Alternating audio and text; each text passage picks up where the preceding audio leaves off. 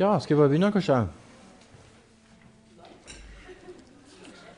Eh, et felt som eh, vi ikke lærte så mye om da jeg studerte, eh, og som Tarald ikke skriver noe særlig om i, i hovedboka, 'Kristendommen en historisk, opp, en historisk innføring', det er det som Linda Woodhead skriver litt om, og som hun kaller 'den radikale reformasjon'.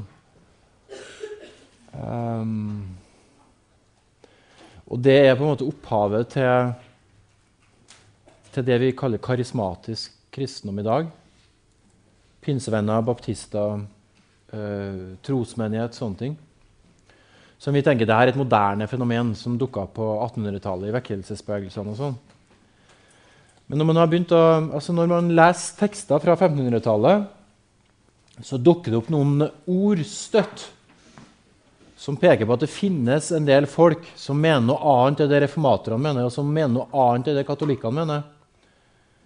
Eh, og som får merkelappene eh, Schwermer eller Wiedertäufer, eller på engelsk Anabaptists eller Spirituals. Svermere eller gjendøpere på norsk. Uh, og når man pirker borti det, så må det bety at det her har vært en strømning, en viktig strømning i Europa. Uh, som ikke rubriseres som verken henholdsvis kalvinist eller lutheraner eller papist, som de kalte katolikkene. De, eh, de eh, vanlige protestantene. Så man pirker borti det, og så viser seg at dette er jo faktisk en nokså viktig strømning. Som har forsvunnet ut av historieforskninga fordi de til en viss grad forsvant ut av historien.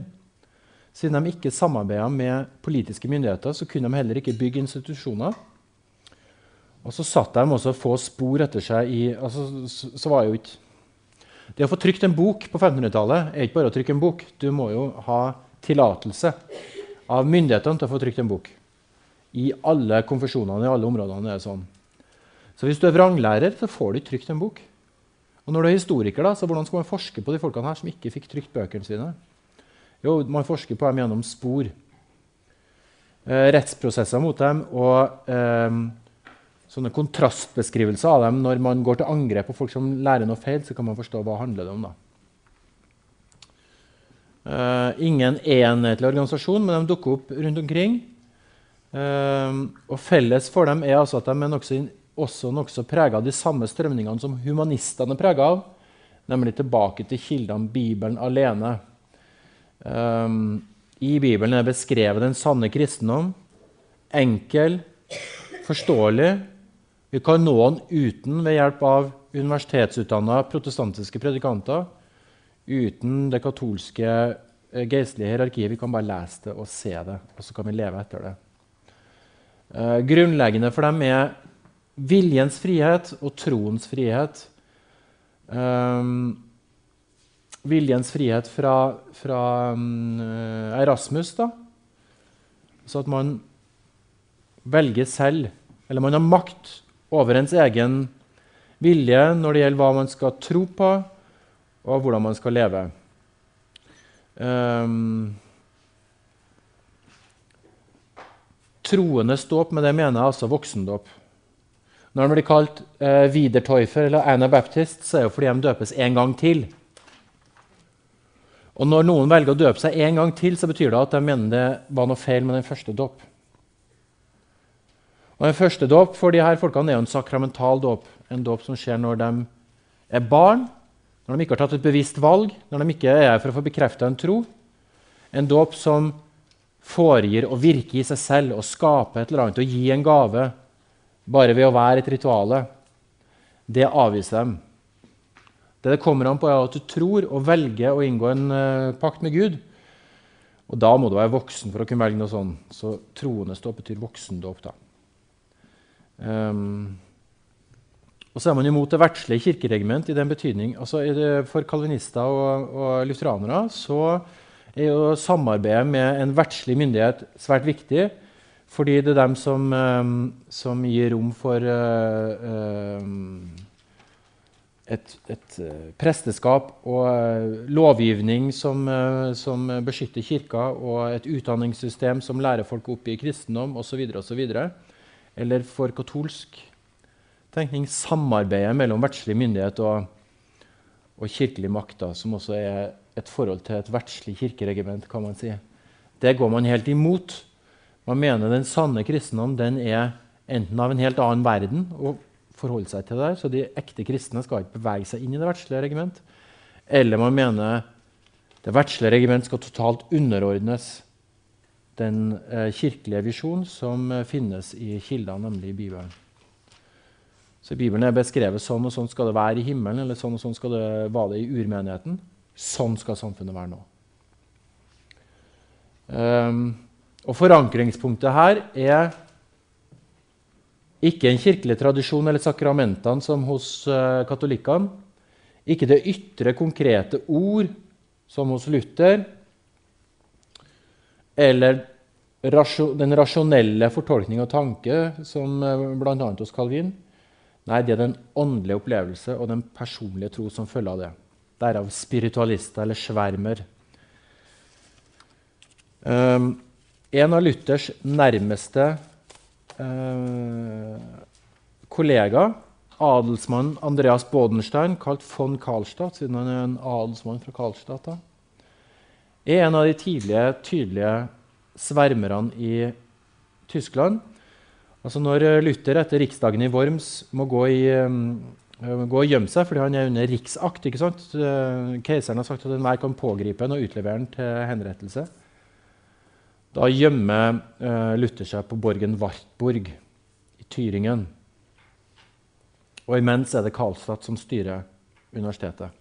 Han er også doktor og, og lærd. Og når han gjør det, så går han i gang med å rive ut bildene fra bykirka for å brenne dem. Um, og innføre en, eh, en uh, radikal lære. Da. Fordi Karlstad kommer til at det er jo ikke det konkrete skriftordet det kommer an på, men det er den indre opplevelsen. Og Kalsat har det fra studier av, um, av uh, kristne mystikere. Mester Eckhart, Johan Tauler, Heinrich Suso altså 1200-1300-talls eh, dominikanerpredikanter. Fra Ja, ja, Eckhart var vel fra, fra, Erfurt, som ikke er så langt derfra. Og som var populær altså Luther hadde gitt ut Jan eh, Tauler på tysk, uh, 'Teologia Deutsch'. Så det her var ting de leste. Men for, um, for Karlstad så finner du at det, det er liksom en indre opplevelse. Det du får føle at det er sant, det skal Skriften tolkes i lys av. Uh, og Så drar han til um, en annen by som heter Han ble jagd ut fra Wittenberg da, og holdt til i Zwickau og krangler med Luther derfra. Um, en annen som dere har lært om sist, er Thomas Münzer, som ikke har vært på Wittenberg-universitetet, men som er opplært i den samme mystiske tradisjonen, og som ser at og som drar rundt som fri predikant da, og gjør fellessak med bondeoppstanden. Og kjemper på bondeopprørernes side i bondekrigen og blir henretta.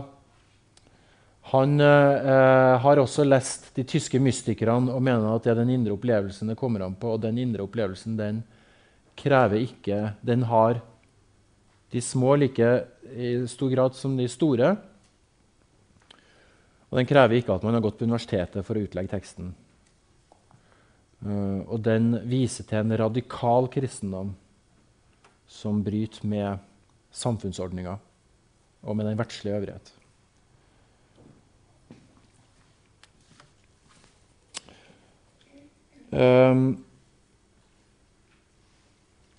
I Münster, som altså er i Nordvest-Tyskland,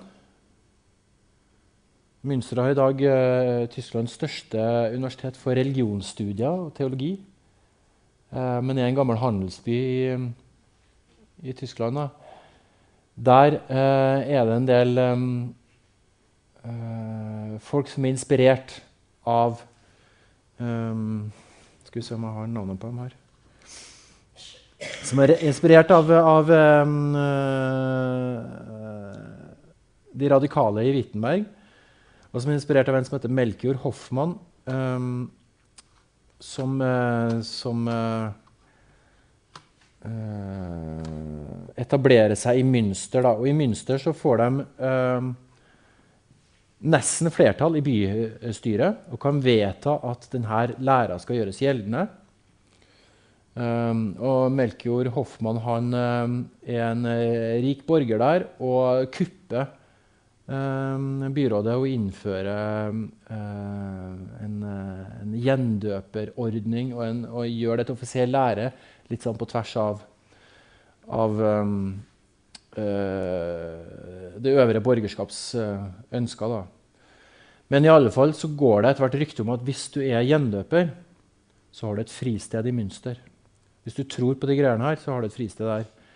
Uh, så Spesielt i Nederland, som jo ikke er så langt fra Münster, så kommer det uh, folk til. Og det blir et sånn sentrum for gjendøpere. Da. Og da innfører de altså et teokrati. Uh, og jeg lurer på om det ikke var Jan van Leiden, en nederlender, som er inspirert av denne tankegangen. Han sier vi skal opprette det nye idealriket, Guds rike, i Münster. Og da skal vi leve sånn som uh, Moses og patriarkene gjorde. Um, så det innføres uh, polygami, og uh, lederen blir den nye Moses som gir loven å, å bestemme. og de nekter å forholde seg til forpliktelser og sånt som er inngått på tvers av byene. De vil liksom være et autonomt rike. da. Når erkebiskopen, første erkebiskopen får vite om det her, så bestemmer han seg for at sånn kan vi ikke ha det. Og da kaller han sammen sine tropper da, for adelsmenn til å stille med soldater, og så omringer de Münster og går til angrep. Og eh, eh setter opp et ja, og, dømme dem for uh, vranglære og oppvigleri og sånt. Og henrette dem på plassen foran kirka. da. Og så når de, eh, Etterpå så ble de hengt opp i, i de burene her, da, til skrekk og advarsel for alle som har lyst til å bli gjendøpere. Eh, og jeg tror et av de burene henger fortsatt i Münster, med et skjelett inni. Så hvis dere er der en gang, så kan dere se på hvordan det går med gjendøperne. Um, Menno Simons er en annen nederlender som er, er grepet av, eh, av uh, svermeriet, kan man si, eller en spirituell. da. En som tror på Bibelens enkle budskap og den indre opplevelse, uh, men som er pasifist. Som sier Jesus, hvis vi skal leve som Jesus og ha et sånt samfunn, så må vi trekke oss unna alt det som skjer der. Vi betaler ikke skatt, vi eier ingenting, og vi går ikke inn i militæret. Uh, og han er da inspiratoren til menonittene, som fortsatt finnes en liten sekt i USA. Praktiserer voksendåp og, og, alt det der. Og han er med som et sånn her eksempel på at um, denne varianten av den radikale, reformerte kristendommen den var så radikal at den endte opp med å enten bli revolusjonær Tenk at samfunnet må forandres her og nå.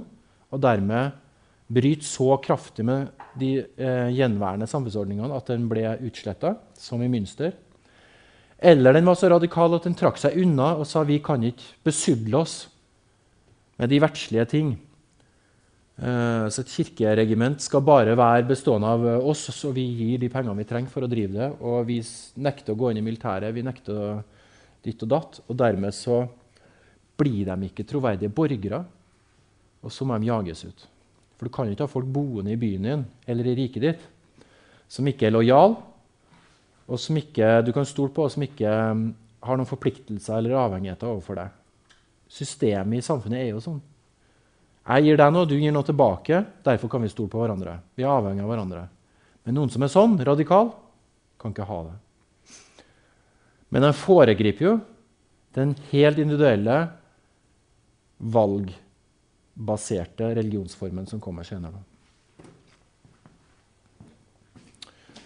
Så når vi tenker på de karismatiske bevegelsene i dag som unge ting, så er det bevegelser med lange, gamle røtter. Og den vanligste måten å spore f.eks. Eh, baptistsamfunnets røtter i Norge er å si de kommer fra England. For i England så eh, er dette en variant av puritanismen, altså kalvinismen, uh, som er radikal, og som blir definert som nonkonformister, altså de som nekter å gå inn i den anglikanske kirke og underlegge seg dronningas styre over kirka, uh, og som derfor må rømme. Da. Og da rømmer de til Europa, og de rømmer til USA. Så så gammel er den bevegelsen.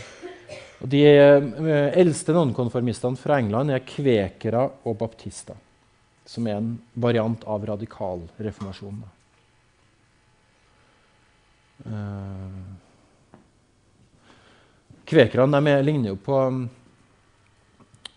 på kalvinistene estetisk, kan man si, ved at de tar helt avstand fra utsmykning, jåleri, eh, rikdom.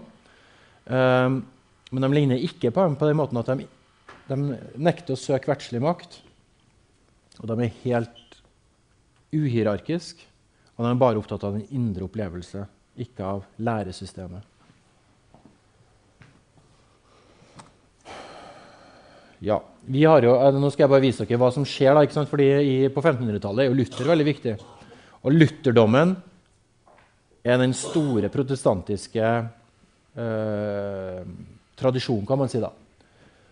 Så kommer de til Amerika, og da har de noen få lutheranere her som stammer av tyske og skandinaviske um, uh, utvandrere. Og så har du en hel rekke andre. Her er tyske anabaptister, altså eh, etterkommerne av de kontinentale radikale reformaterne, som blir menonitter og amish og sånt. Så har du kalvinistene, som er den store hovedstrømmen i USA, da, som eh, deles opp i masse forskjellig. Um, Um, Presbyterians og United Church of Christ er de store mainline eh, hvite kirkene i USA. Uh, Unitarianism er en slags humanetisk forbund som har bakgrunn i kalvinismen. Altså det er kalvinister som ikke tror på treenigheten lenger. Og da, Hvis du da har en gud som er alt, så er jo Gud ingenting. Og da er veien veldig kort å tro på ingenting. Og det er unitarianism i dag. da. Um, og så har du varianter av engelske anabaptister som eh, går ut fra uh, puritanistene, som blir kjempesvære kirkesamfunn i USA. Da. Forskjellige varianter av baptister. Um, den kalvinske delen av anglikanismen blir til metodisme på et forunderlig vis, fordi metodistene tror jo på valg og omvendelse. Det tror jo ikke kalvinistene på. Men uh, for øvrig så ligner de jo på kalvinistene i den betydning at de vil forandre verden. da og bringe Guds rike. Og så er det pinsevennene som oppstår ut av det her. da. I en vekkelse i Los Angeles. Men det kommer uh, sikkert Hallgeir inn på, for det er jo ikke min tid. Men det er bare et sånn malapropos. Hvor blir det av de her? De som er små og ubetydelige i kirkehistorien, er ikke små og ubetydelige lenger.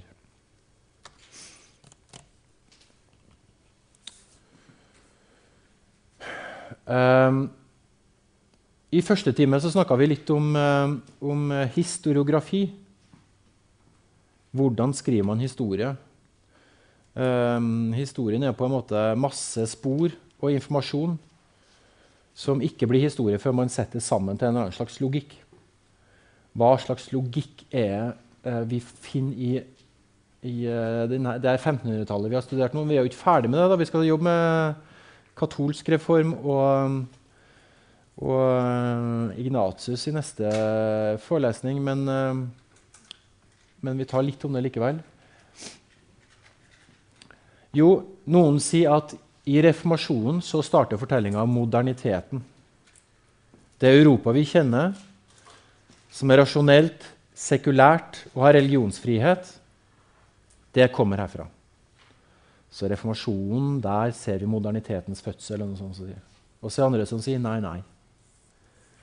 Reformasjonen handler om ekstremister som barker i hop, uh, og som tror på mye rart på hver sin kant. Og det er det. Det moderne Europa kommer av helt andre ting, vil noen si. da.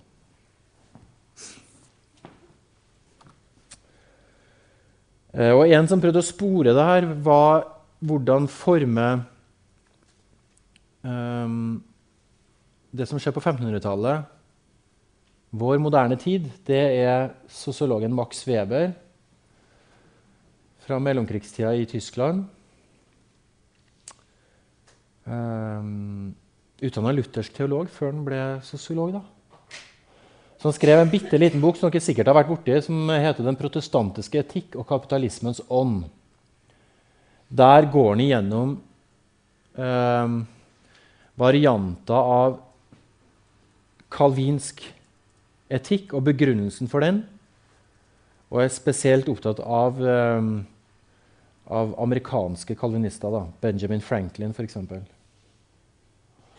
Og så sier han her legges grunnlaget for det systemet vi ser i dag, nemlig kapitalismen. Og det skjer eh, på to måter, vil jeg si. For det første ved at verden avfortrylles. En Entzäuberung der Welt. Mens man før tenkte at verden eh, altså når det, For Luther, f.eks., når det kom et tordenvær, da, så var det ikke et tordenvær. Det var jo Gud som skulle straffe ham. Eller vi har f.eks. i uh, Norske kirke i dag da, så i um, november så er det en dag som heter bots- og bededag. Og den er fordi Av og til så gikk det galt med, med um, kornhøsten. Hvorfor det? Jo, fordi vi har synda for mye. Vi må ha en dag hvor vi gjør bot og ber om nåde. Derfor er den lagt til høsten. Så Sånn har vi drevet på. Så verden eh, er ikke bare verden. Den er, me den er meningsfull. Den er den er full av et eh, overnaturlig nærvær. Da. Og det har man eh, i kirkehistorien sett i, i de hellige eh, ting og i de hellige praksiser. Altså sakramenter, kirkekunst, eh, ritualer. Men man har også sett det i måten man forholder seg til, eh, til ting som skjer. da. F.eks. i lutherdommen så finnes det jo masse ritualer for hvordan du skal få spøkelser ut av hus. Det har vi glemt nå. Vi tror jo at Luther er veldig rasjonell, og sånn, men helt inn på 1700-tallet så drev man med det. da. Og i katolsk tenknings, eller tro da, så var jo det enda mye, mye, mye mer utbredt. Og kalvinistene de går i angrep med det der. Uh, Gud er hinsidig, og det som er her i verden, er bare verden. og Derfor skal det ikke dyrkes, og det skal ikke gis en annen teologisk mening enn som et sted hvor Kristi rike kan opprettes. Så en sånn avfortrylling av verden, sier, sier, Max Weber, det er et grunnlag for moderniteten. Men så sier han noe viktigere, og det er den eh, reformerte kallslære. Nemlig predestinasjonslæra som motivasjon for moralen. Um, i katolsk tenkning så gjør du gode gjerninger for å bli frelst. Og da er det sånn at man eh, kommer inn i et kretsløp av gode gjerninger. Så hvis du er trengende og fattig, så gir jeg noe godt til deg eh, for at du kan be for meg. Og Da får du en likevekt både i det forholdet mellom det denne side og det hinsidige, og mellom oss to. Um, eller jeg gir, et, uh, gir, penger til kirka for å utsmykke med et vakkert bilde som du kan uh, uh, sitte foran når du ber, for å bli minnet om jomfrua f.eks. Og når du da ber, så ber du også for den som har gitt det bildet. Og så et kretsløp da, som fører til at kirka blir vakker, og, og man får kirkegods og sånn, men som ikke kommer noen vei. I Calvins tenkning så fins det ikke noe sånn kretsløp. Fordi du kan ikke forandre din hinsidige skjebne, og ingen kan drive og be for deg, for det er bestemt. Så den fattige er bare fattig, og det må hjelpes av veldedighet, men den fattiges bønner hjelper deg ingenting. Og kirkekunsten hjelper deg ingenting. Og det at Kirka eier masse ting uh, som kan besørge bønnen og, og, og henvendelsen til hinsidigheten, det hjelper deg heller ingenting. Det som derimot hjelper noen ting, er å gjøre gjerninger som viser seg som tegn på at du er utvalgt. Hvordan får jeg tegn på at jeg er utvalgt? Jo, um, jeg står på og jobber hardt, men jeg bruker ikke de pengene på pene klær til meg sjøl. Jeg går ut og ser helt nøktern og tilforlatelig og edel ut. I uh, sorte klær. men jeg tjener masse penger. Hva gjør jeg med de pengene? Jo, jeg setter dem i banken. De hoper seg opp. ikke sant? Og Der er de tegn på velsignelse eller på utvalgthet. Men dermed har du også det systemet som kan gire økonomien, nemlig kapital. For da kan jo noen låne de pengene, så kan de settes i virksomhet. Så kan de generere enda mer kapital som du ikke bruker opp fordi du er puritansk. ikke sant? Så i stedet for å bygge palass og gull, og sånn som de gjør i Italia, så har du nøkterne hus med, med vinduer uten gardiner i for å vise at du ikke er overdådig. Men så genererer du kapital. Så kan du beherske verden med bankvesenet. Det er kapitalismens ånd og den protestantiske etikk, sier Max Weber. da. Så er det noen innvendinger av det. Og innvendingene har jeg til dels vært innom, nemlig at verden blir jo ikke avfortrylla i, i eh, kristenheten. Spesielt ikke i lutherdommen og katolisismen, men selv i, i, mange reformerte områder så tror man jo på mye rart. Um, men en viss avfortrylling må man vel innrømme at det er med, med katolisismen, og til og med med lutherdommen. Den andre innvendinga er Ta f.eks. Skottland, som tror på eh, predestinasjonslæra, og som går rundt og er tynn i ansiktet og har nøkterne klær, og som likevel er fattig. Der gagner jo ikke kalvinismen eh, kapitalismen, sier eh, Peter Marshall. Nederland ble rik, Skottland ble fattig, og de hadde samme religion.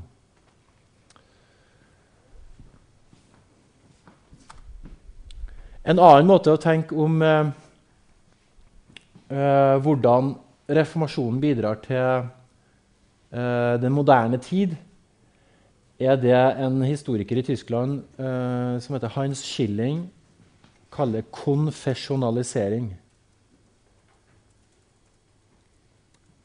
Det betyr Europa deles opp i ulike konfesjoner. En konfesjon betyr en bekjennelse. Uh, men det betyr mer enn det. Altså, det betyr et læresystem uh, og en uh, kirkeorganisasjon og en kultur og en estetikk knytta til det. Altså, konfesjon, konfesjon, har også med en helt bestemt variant av kristen identitet å gjøre. Og konfesjonalisering betyr at en nasjon formes av den bestemte kristne eh, identiteten. Så f.eks. blir saksen luthersk. Og Hvis du skal være lærer i saksen, så må du være luthersk. Og Bayern blir katolsk. Og skal du være lærer i Bayern, så må du være katolsk. Um, og så videre. Så det er den ene sida. Og, og han sier på et intendert nivå så er det at man konfesjonaliserer landene og styresettet og utdanningsvesenet. Det gagner ikke moderniseringa. Tvert imot gagner det konflikt, sneversyn. Um, og det styrker overtro, kan man si. Fordi uh, i, i et, for i, i Würtenberg, da, som jeg jobba med, som er et land i Sørvest-Tyskland, så er det sånn at de sparker lærere i matte og fysikk hvis de ikke lærer rett når det gjelder luthersk tro. Hvis de tenker feil om arvesynden, men er glimrende fysikere, så mister de jobben på universitetet i Tybingen. Det er jo ikke særlig moderne. Så På et intendert nivå så er ikke dette modernisering. Men en historiker er ikke bare opptatt av hva slags intensjoner de enkelte historiske aktørene har. De er opptatt av hva slags konsekvenser handlingene til de her aktørene har. Og på et ikke-intendert nivå så setter konfesjonaliseringa i gang prosesser som leder frem til nasjonenes Europa. Det er det ene. Som igjen fører til en annen tilrettelegging av religion og politikk. Um, altså når Danmark er luthersk, så settes i gang en prosess hvor Danmark formes som en nasjon, og hvor det å bli, mer dansk er viktigere enn det var før. Og hvor det ja, Jeg skal komme tilbake til det. da. Um,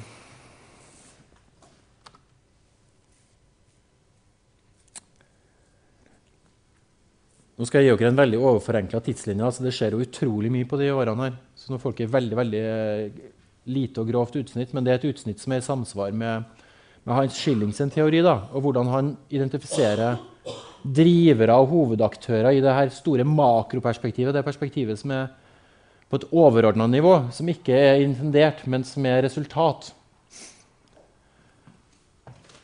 Altså Her har du 1521, så sier Luther nei til keiseren. Så blir han lyst i bann.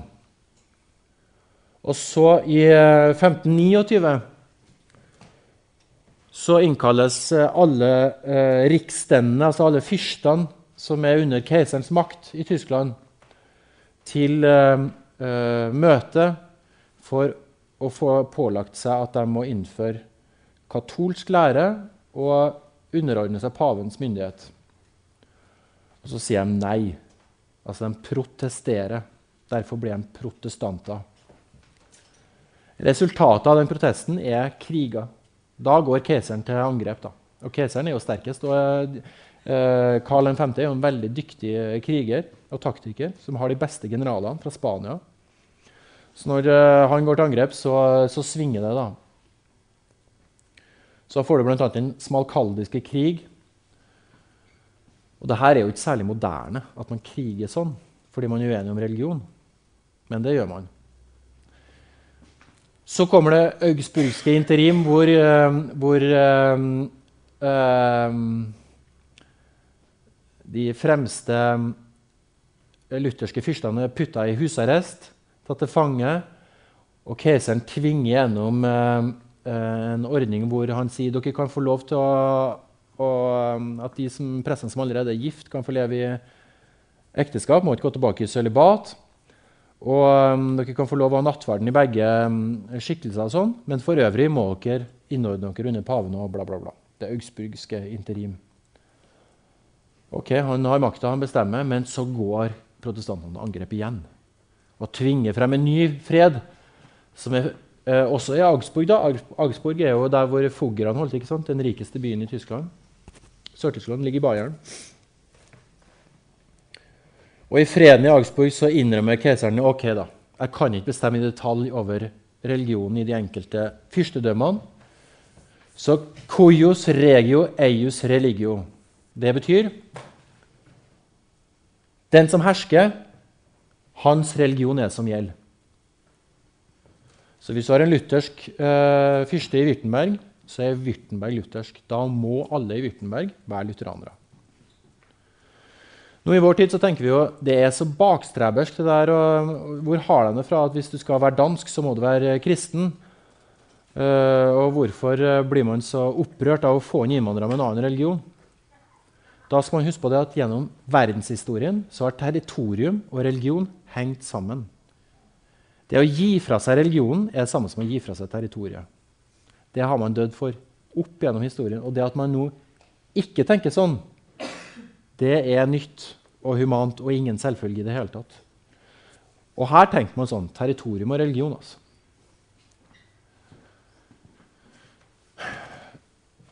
Så er det noen problemer her, og det er maktforholdene. For hva da hvis en eh, fyrste bytter religion, eh, og folket likevel eh, vil ha sin religion? Og så er det et annet problem, og det er vel og bra at det, finnes, at, velger, at det er fyrstens religion som gjelder, men fyrsten kan ikke velge mellom hvilke som helst religioner. Han kan velge mellom to. Den katolske, sånn som den er nedfelt i Trienterkonsilets uttalelser, eller den lutherske, sånn som den er nedfelt i et annet møte i Augsburg, Confesse Augustana fra 1530. De to religionene kan en velge mellom. Men kalvinistene er ikke enig i Confesse Augustana. De har Heidelberg-katekismen fra sju år etterpå. Og dem, deres religion er ulovlig. Så da går de til krig. da. Og så har keiseren han har merka at de, mens eh, Tyskland før var luthersk, så har jeg bare Bayern igjen nå. Det finner ikke jeg meg i. Så han eh, går også til krig. da. Så I 1618 så bryter 30-årskrigen ut. Og Da har du altså et Europa som bestående av fyrstedømmer som har styrka seg i konkurranse med hverandre. Men den styrkinga av den konkurransen har altså gjort at de har fått mindre fellesskap med hverandre og større hat til hverandre. Så bryter krigen ut i, 15, nei, 1618, som varer i 30 år. Og hvor den ene byen etter den andre plyndres, og folk dør øh, rundt omkring. da. Så En 30-årskrig det er jo eh, en av de større katastrofene i Europas historie. Og det er jo ikke noen modernisering. Når det er det reformasjonen bringer, Vel, her kommer løsninga på Hans Schillings plott. 1648. Krigen tar slutt. Gustav Adolf har dratt ned fra Sverige og herja og kriga og tvunget katolikkene i kne, sånn at eh, lutheranerne kommer i posisjon igjen. Franskekongen har gått inn på protestantenes side for å balansere eh, eh, keiserens og den spanske generalens makt. Til slutt er de helt utslitt, kan ikke krige mer. Og protestantene har fått tilbake mye av det de har tapt. Da ble fred. Da møtes de i Vestfalia oppe i nord-Vest-Tyskland. Og, eh, og eh, kommer frem til følgende Kalvinismen blir anerkjent. Keiserens rolle er ikke å beskytte den katolske tro, men eh, et fredens Europa hvor man har lov å ha de forskjellige religionene. Um, og så sier Peter Marshall en liten eh, anekdote i den eh, fredsslutninga er retten til privat religionsutøvelse. Det betyr hvis du som lutheraner har havna i Bayern, så har du lov til å være luthersk hjemme i huset ditt. Du har lov til å lese luthersk katekisme, ha lutherske husandakter osv. Du har ikke lov til å bygge en luthersk kirke, selvfølgelig. Det har du ikke. Men det er starten på religionsfrihet sin. Og eh, eh, Vestfaliafreden de har som, eh, som eh, eh, symbol en due. Derfor har vi altså due som fredssymbol fortsatt. Og duen har jo i religiøs betydning gjør to ting. ikke sant? Den når flommen er over, og Noah merker at eh, Guds straff over jorda er ferdig, da sender han ut en due. Og Når dua kommer tilbake med en fersk olivenkvist, så vet den nå har flommen gitt seg. ikke sant? Nå kan vi dra i land igjen. Og så er duen som kommer over Jesus, som, sier, som, som markerer at det her er, det her er Guds sønn. Fredens mann. Så duen sin, kristendommen som var, som var grunnen til krigens århundre, blir nå tolka som et fredens tegn, som en fredens religion. Og det gjør han med å gi slipp på den tette koblinga mellom uh, religion og politikk. Man adskiller politikken som et eget område. Og sånn blir nasjonenes Europa til, sier Peter Marshall. Enten vi vil eller ei, så er det sånn. Derfor har vi nasjoner som er nasjoner mer enn religioner.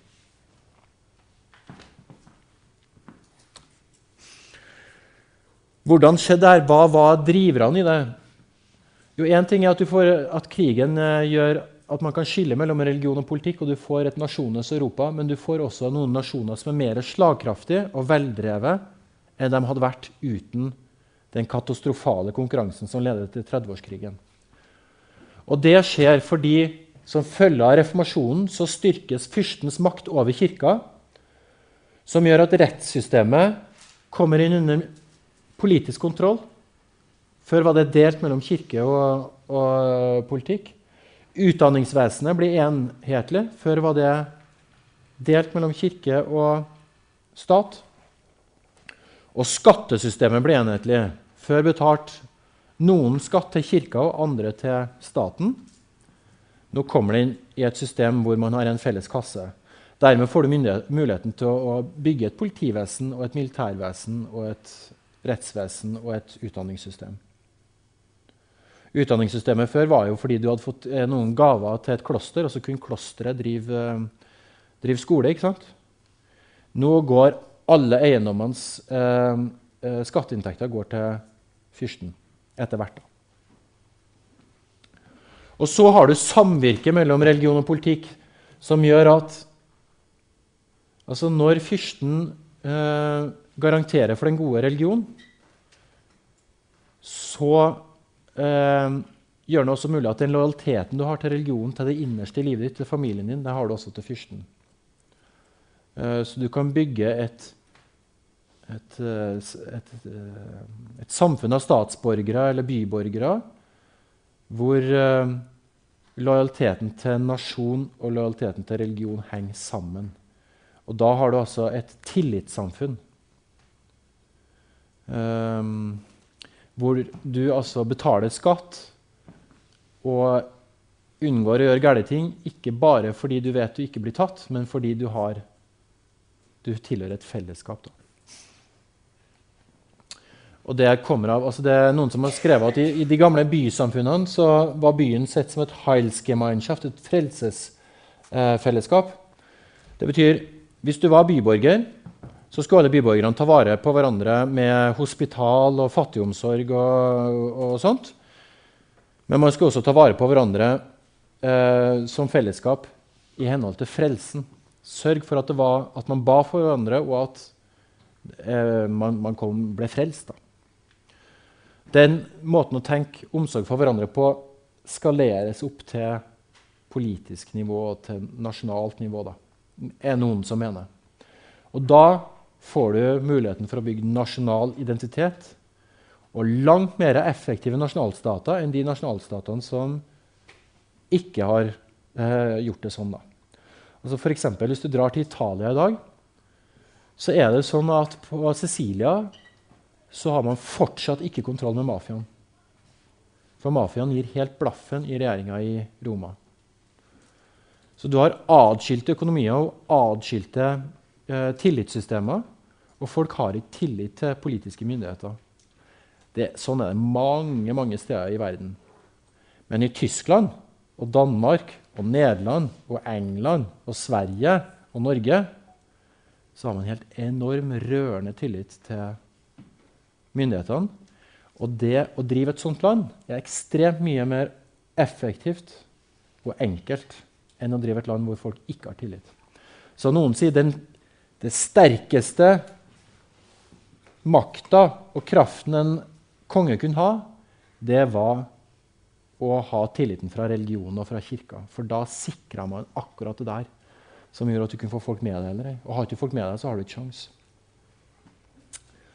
Og Dette bygges opp i en konkurranse mellom territoriene. Så hvis jeg er litt slapp å bygge opp det her i Wirtenberg, og min konkurrent, katolikken i Bayern, bygger det fort, så har jeg et problem, for da kommer han og tar meg. Da tar han litt og litt av territoriene mine, og så blir de katolske. Så jeg må bare stå på og være effektiv og bygge et like sterkt land. Og sånn blir det nasjonenes Europa til, er noen som mener det. Så er spørsmålet er det, betyr det her at religion er et instrument for fyrsten. Eh, hvem er det som tjener hvem her? Er kirka en tjener for fyrsten, eller er fyrsten en tjener for kirka? Og Da er eh, det mange som mener nei, her skjer det en forhandling. Makta går begge veier. Fordi det her er en tid hvor statsapparatet ikke er etablert. Det finnes ikke noe hierarki. Um, infrastrukturen er ikke til stede, så hvis kongen skal få gjennom noen ting, så må han ha folkets tillit. Hvis de nekter, så kommer han ingen vei. Og eneste måten å få det på, er å um, uh, gi Kirka innflytelse. Da. Så der, der, går det nedenfra og ovenfra. Og man ser også at en del fyrster gjør jo helt irrasjonelle valg. F.eks. Når, når Johan Fredrik av Saksen går i fengsel og tar uh, angrep på katolikker når det helt opplagt ikke gagner hans makt og rikdom så er det fordi han er overbevist av at den religionen er sann. Så det, det skillet mellom religiøse interesser og politiske interesser som vi har fra vårt perspektiv, det hadde de sannsynligvis ikke på den tida. Og Samtidig så er det helt opplagt at militær makt hadde en veldig religiøs overtalelseskraft også.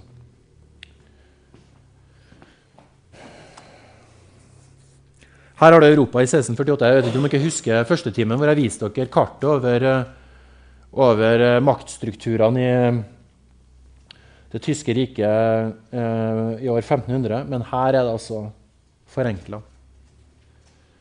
Færre territorier, tydeligere politiske enheter.